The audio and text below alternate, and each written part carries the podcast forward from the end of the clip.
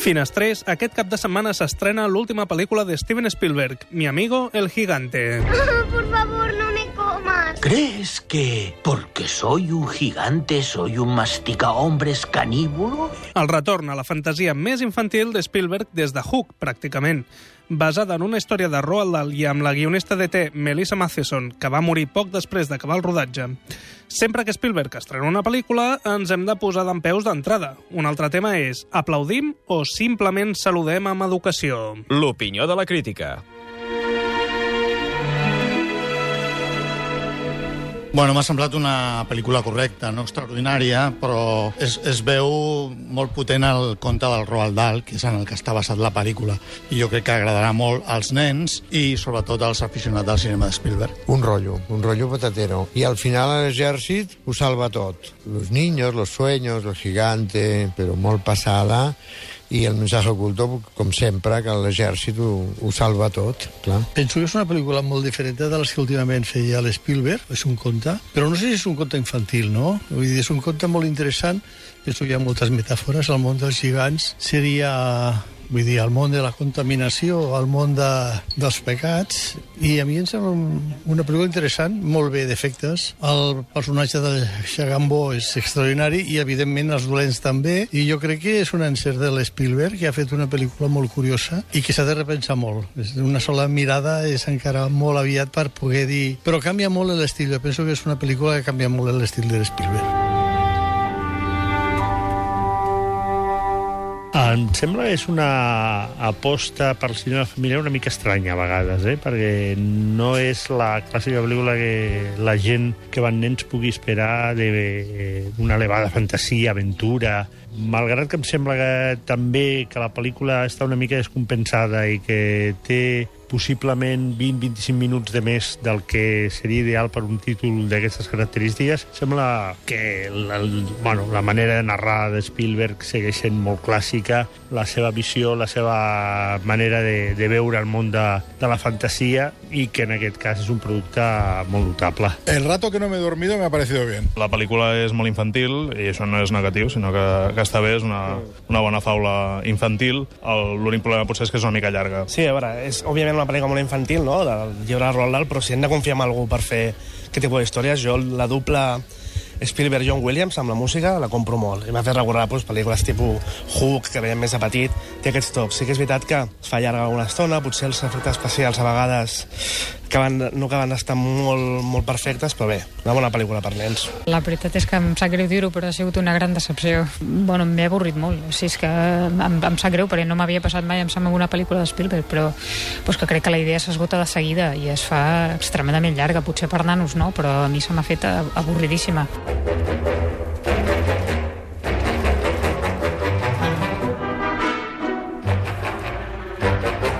Bueno, a mi, a mi m'ha agradat, en general. En línies generals sí m'ha agradat. És veritat que hi ha moments que se m'ha fet una miqueta avorridota, no? Perquè sí que crec que també la segona hora és quan passen de, de veritat, no? Almenys les coses i triga una miqueta a arrencar. M'ha agradat, o sigui, sí que és veritat que visualment no em fascina, o sigui, em sembla fins i tot lletja tota la part, sobretot central, com del món dels gegants, però m'agrada que sigui una pel·li com que faci una aposta tan pura per la fantasia i que faci una pel·li infantil, però de principi a, a final. Però sí que és veritat que visualment no, no m'entusiasma. Tot i això, trobes que té moments puntuals que són purament Spielberg, que trobes sempre la manera d'explicar-te coses molt maques amb imatges molt puntuals. Doncs uh, no m'ha agradat gaire, no m'ha agradat gaire. Trobo que és molt estrany. Digues en veu baixa, eh?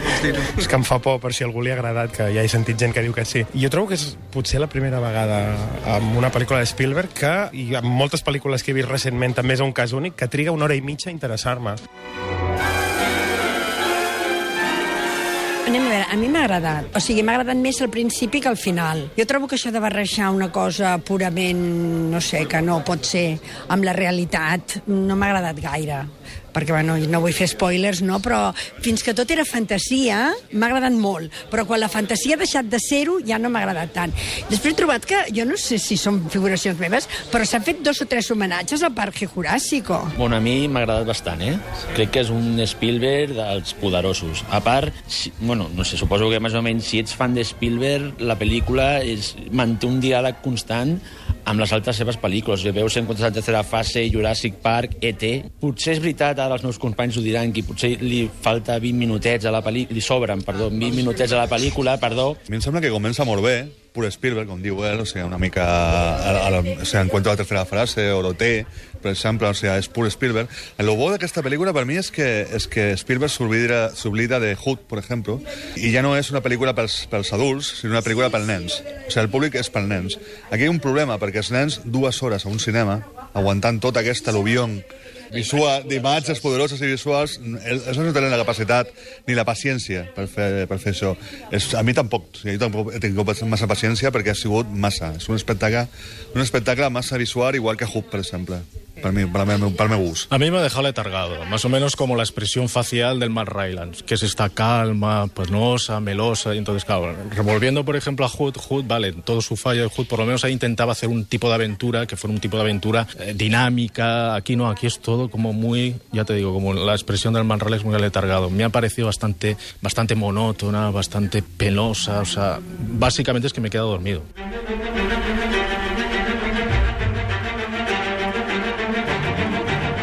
El que dèiem, obviant pel·lícules d'aventures familiars com el Jurassic Park o Tintín, haurien de retrocedir 25 anys fins a Hook per trobar un film de Spielberg tan purament infantil. Com diria aquell, ara ja no toca? Crec que hauria de canviar de registres, però aquest el domina perfectament. Jo agraeixo molt a l'Spielberg que torni una miqueta a aquest món de la fantasia en, un, en una societat que jo crec que ens costa tots somiar, no? una miqueta, i que parli dels somnis que fan doncs, també el, bueno, totes les pel·lícules de, dels Spielberg, no? de, que, que ens parlen de fantasia i tal, i jo això és el que més, més ha agraït a la, a la, a la pel·lícula. En línies generals està, jo crec que està bé. Sí que he pensat que trigava una mica a tornar a aquest tipus de cine, però en realitat és l'essència del seu cinema, o sigui que m'agrada que, que l'hagi fet i sobretot m'agrada això, no? que, que faci aquesta aposta per una cosa tan, tan purament fantàstica i, i tan lliure de tot, no? com que no és una pel·li conjuntural, no és una pel·li que, que estigui influïda pel tipus de cinema juvenil infantil, sobretot que es fa ara, va una mica per lliure. Sí, clar, sorprèn i contrasta molt venint del Puente de los Espías, que, que era una gran pel·lícula, no? I, i, I Spielberg ha fet cinema infantil molt gran, també. Però és que això, és a dir, jo quan veig que eh, en algunes promocions s'està dient que és l'ET de la nova generació, em sembla gairebé un insult. Em sembla ofensiu que es digui això. Això és un altre ET, però al revés, no? De, de fet, a l'Spielberg sempre li han agradat aquestes coses tan fantasioses i, i a més s'hi troba molt a gust. Això sí, estic segura que s'hi troba molt a gust fent-lo. Inside Out no és el mateix unos peluches de colors que aquest tio tan fet, tan lleig. Y allí los... Perquè el gegant és lleig de nare. és molt lleig, eh? Y allí los niños tenían para pensar y entonces estaban intrigados, porque decían, ¿cómo es que eso estoy dentro de mí? Aquí, aquí el gigante, el gigante no tiene ninguna gracia, o sea, no, no aporta nada el gigante. ¿Qué? ¿Un tío más alto? ¿Dos metros? Para eso está el gasol. Del que no hi ha dubte és que ha nascut una estrella. Oh, vaya. La petita Ruby Barnhill, la nena que acompanya el gegant, que es va guanyar les simpaties de tota la crítica. I la nena odiosa. La nena l'he trobat eh, especialment repel·lent. També crec que la nena no està com hauria d'estar. A banda que la nena m'ha fet una mica de ràbia, també.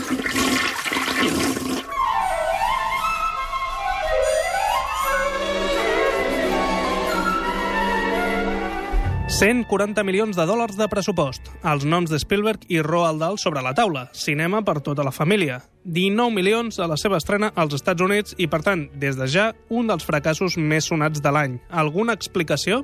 Potser també per l'època, no? Per, potser també és una pel·lícula, per mi, eh, més de Nadal, no? Que, que no tant d'estiu, però jo crec que també és que la gent coneix molt a Spielberg i es queda amb l'Spielberg de, de T, no? I de, de, del primer Spielberg, no? I pot ser que ja no, que no vagin per aquí. Sí que és veritat que és una pel·lícula que potser avui en dia no, no hi ha tanta eh, oferta com aquesta, no? És com pel·lícula molt dels anys 90, potser, l'esperit i tal, i això costa a vegades, de, avui en dia, de, de promocionar. Jo crec que potser la competència aquí li ha anat difícil. Clar, competir amb buscant la Dori és complicat a la, a la taquilla i amb altres, amb altres pel·lícules. Jo crec que hi ha una saturació i, i els pares han de triar i no poden anar a veure totes les pel·lícules infantils que, que es facin o per tots els públics que es facin. Igual, no sé, igual és que no sé ben bé si, si els nens d'ara estan acostumats precisament a aquest tipus de fantasia o no.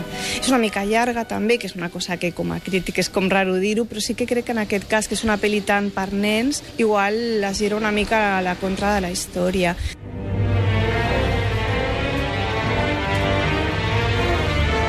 Sí, suposo que ara els nanos estan acostumats a un altre tipus de cinema, ja no només de, de pel·lícules, sinó d'altres suports, videojocs, eh, no? les tauletes... Eh, el nano ara doncs, vol acció de seguida. No sé on col·locar-la, si pels grans o pels nens, perquè familiar, familiar tampoc és. Vull dir, jo no sé si els nens acabaran d'entendre tota aquesta història dels somnis i tot, tot això, que té molt a veure amb aquella pel·li que es va del revés, no?